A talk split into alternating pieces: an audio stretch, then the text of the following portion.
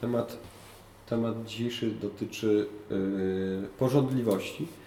Yy, jesteśmy w drugim rozdziale Mężczyzny niewiastą stworzył ich. Jan Paweł II mówi, yy, w wcześniejszych etapach rozmawialiśmy o tym, yy, jak w Księdze Rodzaju yy, człowiek został stworzony. Yy, Dzisiaj już yy, zaczniemy z Ewangelii Świętego yy, Mateusza, piątego ro- rozdziału. To jest kazanie na górze, yy, w którym Pan Jezus yy, mówi o tym, że każdy, kto patrzy porządliwie na kobietę, już w swoim sercu dopuści się z nią cudzołóstwa. W tym kazaniu na górze Jan Paweł II mówi o czymś takim, że i dzisiejszy temat jest taki o porządliwym patrzeniu. Nie wyczerpiemy dzisiaj całego tematu, bo on jest obszerniejszy. Yy, No ale te, mm, te podstawy takie sobie zarysujemy i zobaczymy, jak nam pójdzie dalej. E, porządliwie patrzeć. Mm, Słyszeliście, że powiedziano nie cudzołóż, a ja wam powiadam, każdy, kto porządliwie patrzy na kobietę, już się w swoim sercu dopuści z nią cudzołóstwa. I teraz tak, zobaczcie, co się wydarzy. Yy, Papież pisze tak.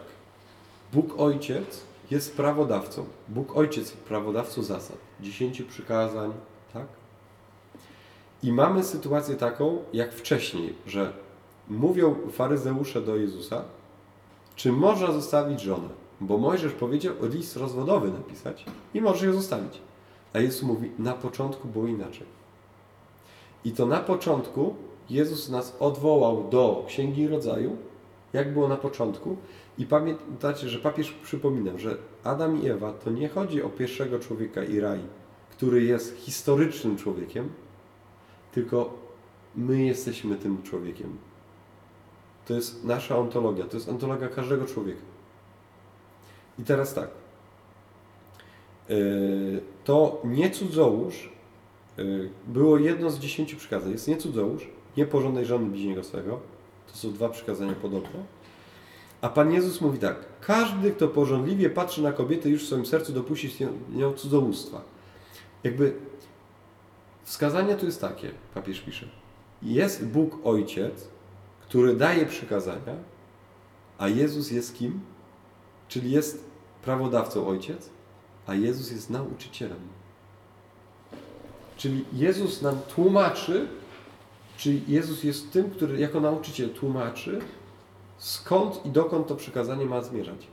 Dlatego Jezus yy, w sposób wyższy tłumaczy to przykazanie. No bo przykazanie brzmi nie cudzołóż. No to cudzołóż cudzołożyć z kimś, cud, z kimś cudzym łóżko, łóżko e, e, mieć łóżko, tak? Czyli współżyć z kimś, kim kto nie jest żoną czy mężem, tak? Pozamałżeński seks. A Jezus mówi, nie. Kto porządliwie patrzy na kobietę, w sercu swoim dopuści z nią cudzołóstwa. Jak wysoko Jezus stawia poprzeczkę, tak? Patrzy z jakiej perspektywy? Nie czynu, tylko z perspektywy serca. Zaraz to myślę, że się wyjaśni. Y, Przykazania Boże, y, te dziesięcio przykazań, mają najczęściej formę nie rób, czyli negatywną. Więc możemy y, zobaczyć, jak pozytywnie y, wypełnić przykazanie cudzołóż, nie cudzołóż. Nie? Cudzołóż, Jezus mówi, porządliwie patrzeć jak patrzeć nieporządliwie. I papież będzie robił analizę, skąd ta porządliwość człowieku się bierze. I jak z nią, jak ją pozytywnie, to przykazanie, patrzeć czysto. W jaki sposób patrzeć czysto? Czy człowiek w ogóle tak może? Jak było na początku więc tego patrzenia, że w pewnym momencie człowiek zaczął patrzeć porządliwie. No i przypominamy sobie od razu pierwsze założenie, to jest z Księgi Rodzaju, że ciało jest podmiotem, a nie przedmiotem. Tak? Że kiedy zredukujemy człowieka do przedmiotu, to zwrócimy na, niego, na jego ciało w oderwaniu od jego osoby. I to będzie redukcja człowieka. I papież będzie to podkreślił, że to jest fundament teologii ciała. Że ciało jest manifestacją osoby. że ciało jest odrębnością spośród stworzeń. Ciało jest znakiem samotności i czucia. Więc uwaga, czego będzie dotyczyło porządliwość oczu? Właśnie tego ciała. W oderwaniu od osoby. Dwa. Więc nie cudzołóż będzie y, nawołaniem do pozytywnego. Patrz na osobę, patrz na ciało jak na człowieka. Patrz na ciało jak na osobę. Że na tego, na którego patrzysz, to nie jest tylko ciało, tylko osoba. To będzie pozytywne wypełnienie tego przekazania. W sercu patrz na niego jak na osobę. Dwa. Ciało, osoba wyłącznie dla drugiej, na wyłączność jest tylko małżeństwo. Czyli to bycie w łóżku razem, współżycie, to ciało będzie wyłączne dla Ciebie, ta osoba będzie wyłączna dla Ciebie, ale tylko w małżeństwie to jest możliwe. Poza małżeńskie posiadanie drugiej osoby będzie grzeszne. Tak? To znaczy tylko małżeństwo zabezpieczy posiadanie drugiego. Wszystko inne będzie kwestią jakiegoś interesu. No, oczywiście, że w małżeństwie też jest dużo interesu. To nie ma dwóch zdań, wiemy o tym, tak? Że nie jedno małżeństwo się trzyma y, przez to, że y, może porządliwości tam już żadnej nie ma między nimi, ale są kredyty, tak? I dzieci. No to już jest dużo. Natomiast, więc tych interesów jest tam dużo. Natomiast chodzi o coś takiego, że porządliwość w małżeństwie będzie dopuszczalna. I teraz kontekst Starego Testamentu. Co trzeba uwzględnić? Mhm. Że w Starym Testamencie mamy tak, jak Jezus wcześniej mówił apostołom. No tak, napisał wam tak Mojżesz, ponieważ ze względu na waszą zatwardziałość. I w Starym Testamencie będzie dopuszczalność czego? Będzie dopuszczalność współżycia pozamałżeńskiego. Będzie można współżyć z niewolnicą. Będzie można, no przecież, oddalić żonę, napisać list rozwodowy. Tak? To będzie możliwe. Ale Jezus stawia wyższe wymagania swoim uczniom. Jezus mówi tak. Jeśli wasza sprawiedliwość nie będzie większa niż uczony w piśmie faryzeuszów, nie wejdziecie do Królestwa Niebieskiego. Czyli Jezus pokazuje, kto chce iść do nieba, ten ma wyższe wymagania. Jakie wymagania wyższe? Te, które były na początku. Czyli ten pierwotny stan.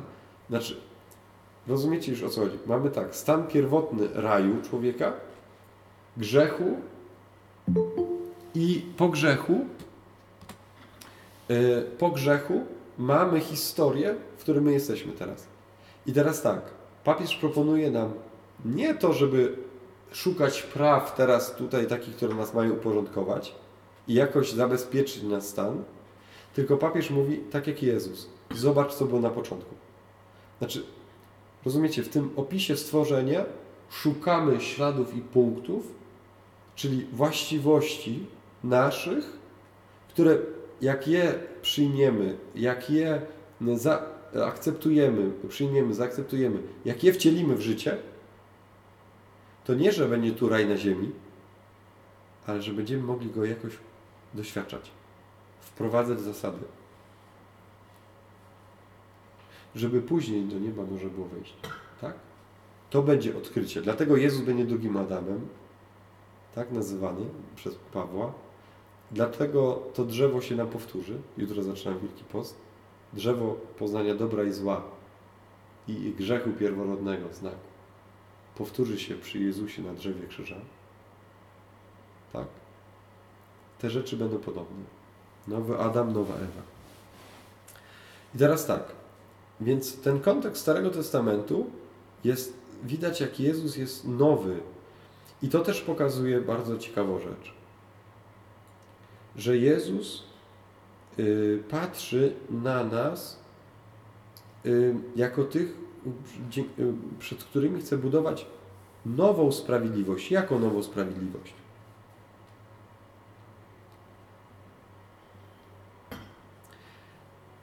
Chodzi o wypełnienie w pełni odpowiadające znaczeniu prawa, dekalogu, poszczególnych przykazań.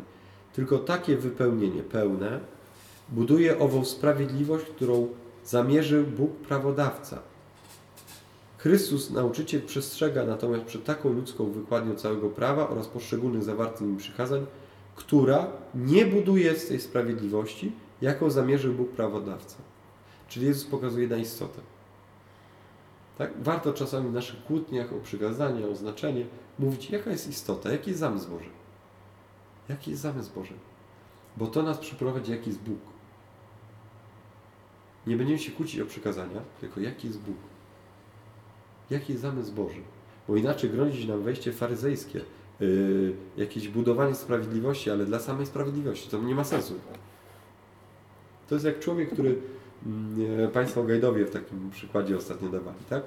Jest człowiek, który kompulsywnie grzeszy. Kompulsywnie grzeszy. I on mówi tak, gdybym tylko się pozbawił tego grzechu, to bym był po prostu święty. A oni mówią, przepraszam. A czy Pan będzie przez to bardziej kogoś kochał?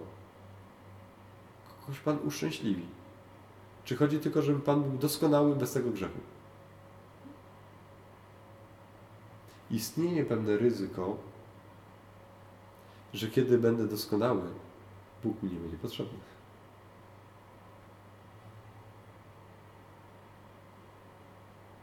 No po prostu wszystko się mi ułoży. Być może tajemnica tych naszych słabości i grzeszności, do której Bóg dopuszcza, tak? Daje dopust, taki dopuszcza wolnej woli, że człowiek może zgrzeszyć, jest właśnie taki. Że to powoduje, że my jakoś, nie wiem, jesteśmy bardziej pokorni, bardziej skromni, mniej zarozumiali, bardziej zwyczajni. Tak? I tak szybko już nie strzelamy do innych i upominamy ich tylko, że się źle prowadzą.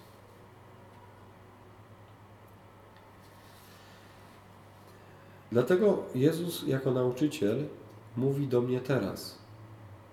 Tu nie chodzi tylko o Stary Testament Jezusa, Nowe Prawo, który 2000 lat temu zaczął, tylko chodzi o to, że On mówi do mnie teraz, tutaj.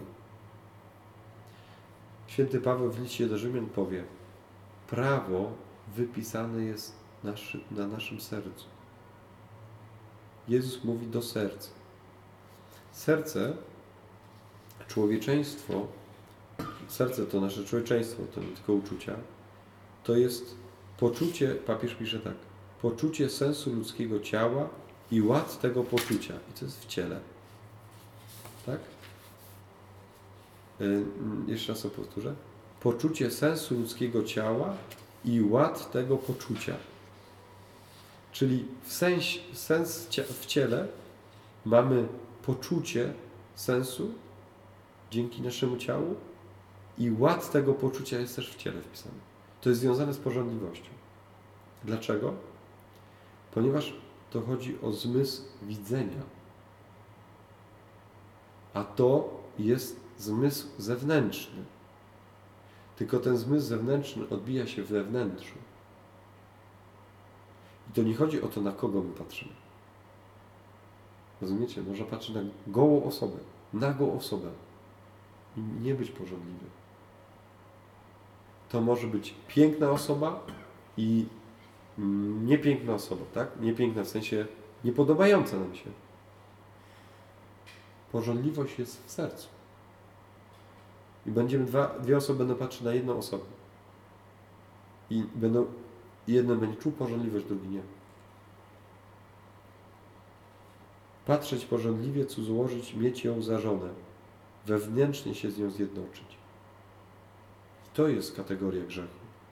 Że kiedy y, ja patrzę porządliwie, to mam ją na własność. Tak? I tę porządliwość y, ma, ma coś takiego e, w sobie, że uprzedmiotawia osobę, o której ja nawet nie wiem, jak ma na imię. Tak? Bo ja porządliwie mogę patrzeć na kobietę i nie wiem, nawet nie wiem, jak ma na imię.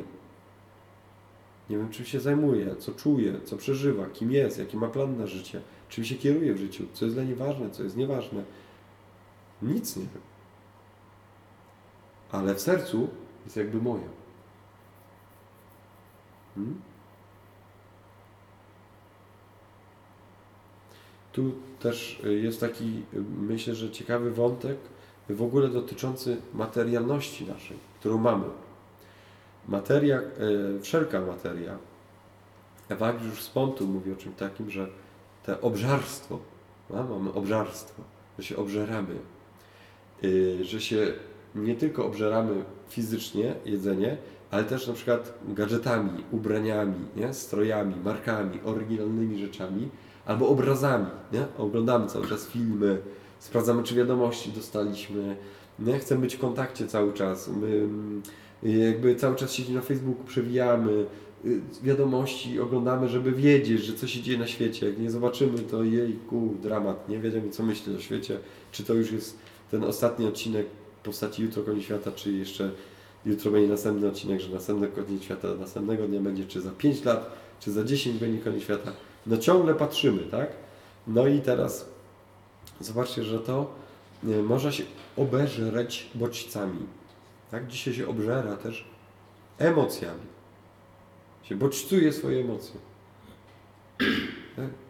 Y, kto z nas nie ma Spotify'a albo innego y, platformy, gdzie słucha ciągle muzyki, albo ma jakieś seriale e, oglądamy, no różne rzeczy, tak, których się bodźcujemy. I to bodźcowanie może być takie, że jesteśmy uzależnieni od, od odczucia, od, ale z tego nic nie wynika. Jakby same przeżywanie tych uczuć, yy, tych emocji nie, przenik, nie przekłada się na uczuciowość, na postawę życiową. Dlatego tak łatwo nas nie? zmienić postawę. Wyłączyć prąd, już nieszczęście na całe życie. Nie? Nieszczęście na pół roku. Tak? Nie ma internetu, bez sensu istnieje. Bez sensu ten świat. Całe moje życie jest bez sensu. Tak? Jakby takie total, totalności, skrajności skrajność badamy. Tak? Yy, dlaczego tak może się wydarzyć? Ponieważ to, co materialne, nie może zaspokoić i być źródłem naszego szczęścia. No nie może. Nie może seksualne zawsze będzie przekraczać ciało. Będzie przekraczać, będzie szło w stronę, w stronę ducha. I tak samo będzie z materią. Materia nie może nas zaspokoić. Co więcej, materię, na materię musimy zobaczyć, spojrzeć jako dar. Czyli, bo jest ryzyko, że materialność zasłoni nam dawcę. Czyli materialność zasłoni nam tego, który nam to daje. Przykład, daję dziecku prezent, dziecko już nie chce babci czy dziadka, tylko komórkę, którą otrzymali od, od dziadka i babci, tak? Czyli zapominam od kogo to mam. Chodzi o to, żeby mieć. Zapominam, że to jest osoba. Chodzi o to, żeby coś od niej dostać. Osoba jest nieważna. Więc zobaczcie, że ta wypowiedź jest. I co trzeba zrobić, żeby w właściwym świetle zobaczyć świat materii? Trzeba od niego odejść. To znaczy, że trzeba zobaczyć dawcę, stwórcę. To będzie łaska. Że zobaczyć kogoś, kto widzi więcej. I mówi, można zobaczyć w tym więcej. To jest nauczyciel, który pokazuje, że jest coś więcej doświadczyć, że w człowieku jest coś więcej niż ciało. Z nim można się skomunikować. Jego można poczuć. Z nim można porozmawiać o rzeczach większych niż tylko jedzenie. Z nim można porozmawiać o rzeczach wyższych. On może ci odsłonić coś, czego samym nie stworzysz. Z nim możesz pojechać gdzieś, gdzie z innym nie pojedziesz. Z nim możesz poczuć, porozmawiać o czymś, z kim innym nie porozmawiasz. I to jest drugi człowiek to będzie coś więcej niż materia. My to mamy. Gdzie, kiedy to mamy? Uwaga. Relacja nie tworzy się tylko w spotkaniu, ale też w samotności. Kiedy idziesz ze spotkania i zmieniasz się. Nie tylko ze spotkania wychodzisz z czymś w głowie, ale to, to nie jest tylko materialnie, że każdy dostanie po prezencie, tak? Ale chodzi o to, że ja się zmieniam. I kiedy doświadczam tej zmiany, Między innymi doświadczam jej, kiedy jestem sam. Czyli zobaczcie, co się wydarza. Kiedy zaczynamy widzieć Boga? Kiedy odchodzimy od materii. Czym jest nasza modlitwa? Oderwanie się od materii. Jutro mamy post. zaczynamy Wielki Post postem, nie? Ścisłym. Dlaczego zaczynamy ścisłym postem? Bo mówimy, odchodzimy od materii. Człowiek ma coś więcej niż materia. Poczuje głód. Moje ciało się upomni. Zacznij pościć, zobaczysz, ile głodów sobie, z ciebie wychodzi, tak? Spróbuj iść na kilka dni, z nikim nie rozmawiać. Jak oczyści się Twoja mowa, oczyszczą się Twoje myśli. Jakoś inaczej ten człowiek będzie wyglądał, z którym rozmawiasz, tak? To się dzieje w samotności, ale uwaga, nie da się tego zrobić głową. Siedzisz w tłumie i odchodzisz myślą. My mamy dzisiaj za dużo rzeczy, dlatego między innymi wielu młodych ludzi ciągle ma słuchawki na uszach, nie? żeby się odbodźcować, oni mówią. Bo jest tyle ludzi wokół, tyle wiadomości dostaję dziennie, co chwilę mam wiadomość, nie mogę tego wyłączyć. Nie umiem tego wyłączyć. Co, co mogę zrobić chociaż? Jadę w autobusie, włączam słuchawkę. Nie słucham ludzi. Odcinam się. Ale można sobie zrobić detoks od telefonu, nie? Od internetu. Tak? Odciąć, żeby wrócić do naturalności. Bycie samemu, pamiętamy, papież pisze, sa, osoba, osobny. Te same słowa. Osobny, osoba. Idź na osobne miejsce. Poczujesz siebie. Doświadczysz siebie. Idziesz w, na, na, na wycieczkę, idziesz w góry, idziesz, yy, idziesz nad morze, idziesz nad jezioro, do lasu i jakoś wracasz przemieniony, nastrojowy. Benedykt XVI mówił, trudno człowiekowi y, uwierzyć, że jest Stwórca, kiedy otacza się nie wśród stworzenia, ale wśród, uwaga, techniki. Kiedy otacza się tylko technika, to nie możesz zauważyć Stwórcy, dawcy tego. No wyobraźcie sobie, jeszcze jakiś czas temu, jak się chodziło na uczelnię od rana do wieczora, sztuczne światło, klimatyzowane powietrze, jedziesz autobusem, wychodzisz, siedzisz w sali, patrzysz na ekran, na wykładowcę, nie, nie słyszysz go na żywo, mówi do ciebie, ale słyszysz go tylko przez mikrofon, że przez głośnik, tak? Ile nienaturalności tam jest. No i można tak żyć wiele lat. Jak komuś mówić o jakimś stworzeniu, o początku, nie umie tego doświadczyć. Hmm? Więc wypowiedź Jezusa ma charakter naprowadzający. Co to znaczy? Jeśli posiada ona charakter naprowadzający, to znaczy, że po jej śladach możemy dojść do zrozumienia ogólnie ważnej prawdy o człowieku historycznym, ważnej dla teologii ciała. Mówiąc w ten sposób, chcę, abyśmy nie zatrzymali się na samym przykładzie, ale zrozumieli pełny sens etyczny i antropologiczny tej wypowiedzi. Chodzi o wypełnienie prawa i obfitości sprawiedliwości w człowieku zachowującym szóste przykazanie dekologu.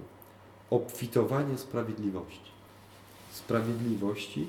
Sprawiedliwość to jest daj każdemu, co mu się słusznie należy. Nie każdemu tyle samo.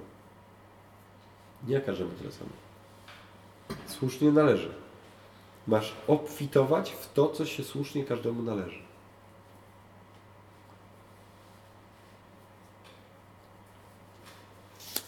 Więc jeżeli komuś należy się pomoc, a jest to śliczna kobieta, która jest naga, to trzeba jej pomóc. Po prostu. Albo w wersji drugiej mężczyzna nagi, tak? Trzeba mu pomóc. Jakby nie uciekać, tak? Skąd bierze się porządliwość w człowieku?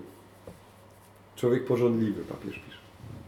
Pierwsze pamiętamy znaczenie pierwotnego wstydu. To ten, który nie czuje wstydu.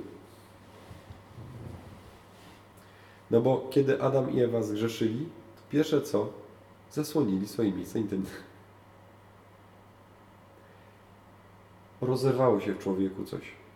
Rozerwało się między jego duchem a ciałem. Nastąpiło rozszczepienie. Powstał dualizm. I ten dualizm trwa w nas.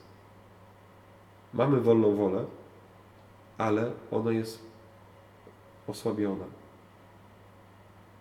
Jesteśmy wewnętrznie podzieleni między duchem a ciałem. I ten podział jest w nas, w ludziach po grzechu pierworodnym, jest skutkiem nas. I teraz, kiedy Jezus mówi o tym, początek, to mówi, zobacz, że na początku tego nie było. Pamiętacie wyznanie wiary, jak się kończy? Ciała zmartwychwstanie, życia wieczne. Dlatego, że na początku mamy Adama i Ewę, stworzonych na Boże obraz podobieństwo, jako całych, duch i ciało razem. Jeden ze skutków grzechu pierworodnego jest tego, że człowiek umrze. Że to, co się tam podziało, to rozszczepienie w człowieku przez grzech, będzie miało skutek taki, że ciało umrze. Żeby na końcu świata, tak jak Jezus, ciało i duch się spotkały ze sobą. Tak? I my jesteśmy łaska wiary, chrześcijaństwo, łaska wiary, bycie chrześcijaninem to jest ta łaska, że poznajesz, uwaga, sposób, metodę kogoś, kto Ci pomoże w tym, żeby to na nowo ze sobą połączyć. Wiedząc, że ciało umrze. Wiedząc, że ciało umrze. Ale mam nadzieję na to, że się z nim spotkam. Bo ma dla mnie znaczenie i wartość. I to nie jest znaczenie wartość taka, ach, tam ciało. Duch się liczy. No nie, bo nie będziesz kochał tylko ducha. Ono ma swoją godność, to ciało, tak? Dlatego my chronimy i nie mówimy tak lekko, mówimy, a, no to, to przecież to, to dziecko nie ma sensu, żeby cierpiało, niech umrze i przecież i tak Pan mu go przyjmie. Rozumiecie, tak nie szafujemy życiem. No bo gdybyśmy przeszli tak, że tylko duch, no to szachujmy tym życiem. Po co przecież? Po co ma się męczyć ten dziadek, tak?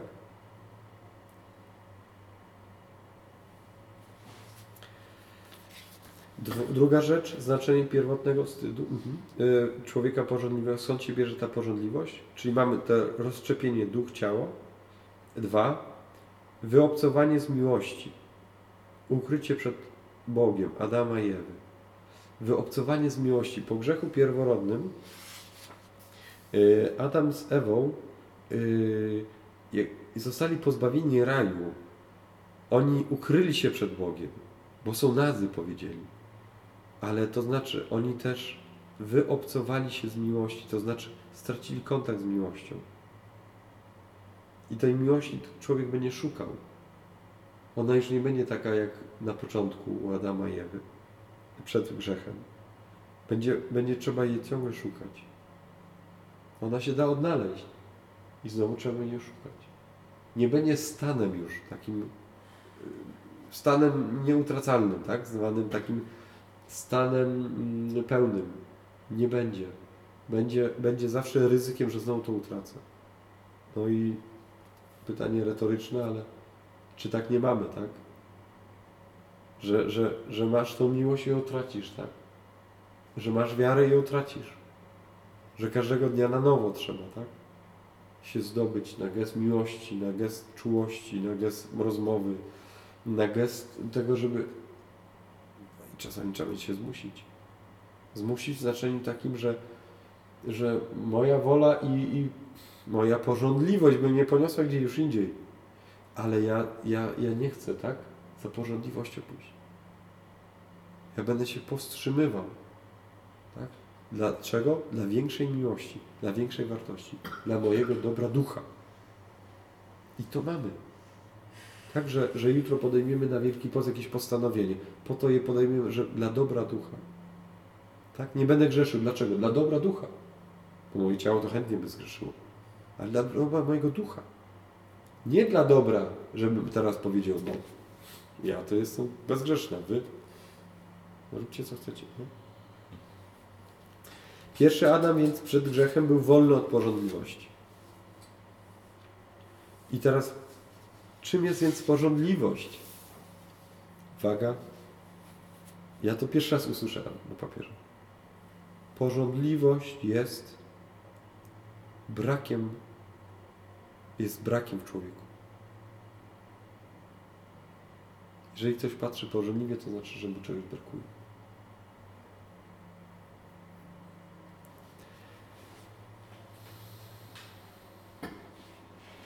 Owa oto poprzez nagość Adama i Ewy ujawnia się człowiek pozbawiony uczestnictwa w darze. Człowiek wyobcowany z tej miłości, która była źródłem pierwotnego obdarowania, źródłem pełnej miary dobra przeznaczonej dla stworzenia. Człowiek ten wedle formuł teologicznego nauczania Kościoła został pozbawiony darów nadprzyrodzonych i pozaprzyrodzonych, które należały do jego wyposażenia przed grzechem. Doznał też uszczerbku w tym, co należy do samej natury, do człowieczeństwa, w pierwotnej pełni Bożego obrazu. Łapiecie, co się stało? Że przez grzech została zadana cios naturze człowieka. I ten skutek jest tego, że zostaliśmy wyobcowani z, tego, z tej miłości, z źródłem, źródła pierwotnego obdarowania. Jakby przestaliśmy być obdarowani w pełni. To jakby mieć w torbie dziurę, nie? I wkładamy do niej i nam coś wypada. Wkładamy i nam coś wypada. Coś do tej głowy już rozumiemy i nam wychodzi. Nie? Coś do tego serca już czujemy i nam to odchodzi. Coś, co na początku mieliśmy jako, jako, jako człowiek, mamy to i to tracimy. Tak? I my jesteśmy już w grzechu pierworodnym jako ci, którzy to nie mamy tego. I to jest skutek grzechu pierworodnego. I chrześcijaństwo co robi? Przy chrzcie daje nam nową szatę. Mówi, że Bóg jest Twoim Ojcem. Daje Ci wspólnotę Kościoła. Wy, rodzice, będziecie mówić, że będziecie to dziecko prowadzić w tym Kościele. Doprowadzicie go do pełni sakramentów. Tak? rozeznasz jako dorosły, co chcesz robić w życiu, z kim chcesz być, jak będziesz realizował, jakie będzie to powołanie. Zobaczcie, że to się dzieje w chrześcijaństwie, tak? Nie mają zakonnice, siostry zakonne i bracia zakonni nie mają sakramentu, tak? Tak jest przyjęte. Nie, nie ma sakramentu braci siostr zakonnych, ale co mają? Są wezwani do życia radami ewangelicznymi. Mają statut, według którego będą żyli. Jak chce się poznać religię, istotę religii, to się idzie z zakonu. Zakon żyje według istoty religii. Tak? Na przykład benedyktyni w trójpodziale pracy, odpoczynku, y, pracy, modlitwy i odpoczynku, tak? czy studiów tam będzie jeszcze, rozwój duchowy. Nie? Będzie idealny tryb życia wyglądał. My sobie możemy o takim pomarzyć. Nie? Znaczy, ja tam sobie radzę, nie? no żartuję, ale chodzi o to, że, że, że jak się żyje z Bogiem, to jakoś układasz ten dzień, tak? Myślisz, gdzie tu modlitwę zrobię? Gdzie tu pójdę na Eucharystię? W tym tygodniu pójdę na Eucharystię, w tym tygodniu pójdę na wspólnotę. Jak będzie to wyglądało, tak? Więc, yy, więc to, to niezwykła rzecz jest właśnie, że porządliwość tłumaczy się brakiem, tak? Brakiem w człowieku tego obdarowania wewnętrznego. I ostatnia taka rzecz, immamentność wstydu. Immamentność wstydu. Yy, wstyd jest immamentny, tak? To znaczy, że jest w środku człowieka ta porządliwość i wstyd. E, tak, że on się objawia w ciele, że my się, my się wstydzimy ze względu też na ciało. Ciało ma, nosi w sobie wstyd. My w ciele poznajemy wstyd. Po ciele poznać czerwoną twarz. Że ktoś się wstydzi, rumieni się. Zrobiłeś to ty, czy nie? To ty jesteś na tym zdjęciu? Nie musisz odpowiadać, prawda? To słychać. To, to widać, tak? To widać. Na, na, na ciele widać, tak? Wstyd widać na ciele. I teraz przeczytam to. Ów wstyd, który manifestuje się niewątpliwie jako seksualny, ujawnia swoistą trudność utożsamiania się z własnym ciałem. Trudność, której nie doznawał człowiek w stanie pierwotnej niewinności. Tak właśnie można zrozumieć słowa przestraszyłem się, bo jestem nagi które ujawniają owoc drzewa poznania dobra i zła wewnątrz człowieka. Odsłania się poprzez te słowa jakby konstytutywnie pęknięcie wewnętrznej ludzkiej osoby, jakby rozbicie pierwotnej duchowo-cielesnej jedności człowieka. Człowiek uświadamia sobie po raz pierwszy, że jego ciało przestało czerpać z tej mocy ducha, która wyniosła je na poziom obrazu Boża, e, Boga.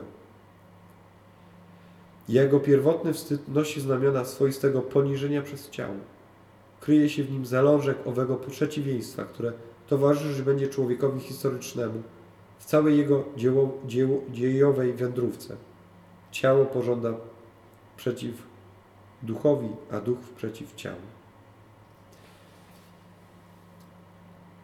Zawstydziłem się. Dlaczego? Bo nie jestem taki, jakim powinienem być. Wstyd głównie się bierze stąd. Mówiliśmy już o wstydzie ostatnio, że jest taki etap wstydu. Nie jestem taki, jakim powinienem być. Ksiądz tak się zachowuje? To nie wypada ksiądz. Kobieta się tak ubiera? Nie wypada kobiecie. Żona tak się zachowuje? Tak? Studentka? Medycyny? Takie rzeczy? Mąż?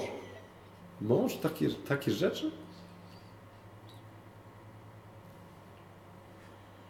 No. Czego doświadczasz? Rozbicia. Kurde, może to nie ja. Żeby nie poznali, że to ja, tak? Żeby nie poznać było, że to ja. To moje ciało, to moje... To nie ja, nie? Ja jestem ok, ale ktoś mnie przyłapał, kurde, to ja. No jak się rozbija człowiek, który się wstydzi, tak? Jak jest rozbity człowiek, zawstydzony, jest rozbity. Im większy wstyd, tym większe rozbicie między ciałem a domem. Nie, nie czuje ciała nawet. No bo się wstydzi czegoś, tak? Mrozi to w sobie. Jak niektórzy się czerwienią, ja też się czerwienię, tak? To czasami jest nawet, ktoś ma taką kreskę równą.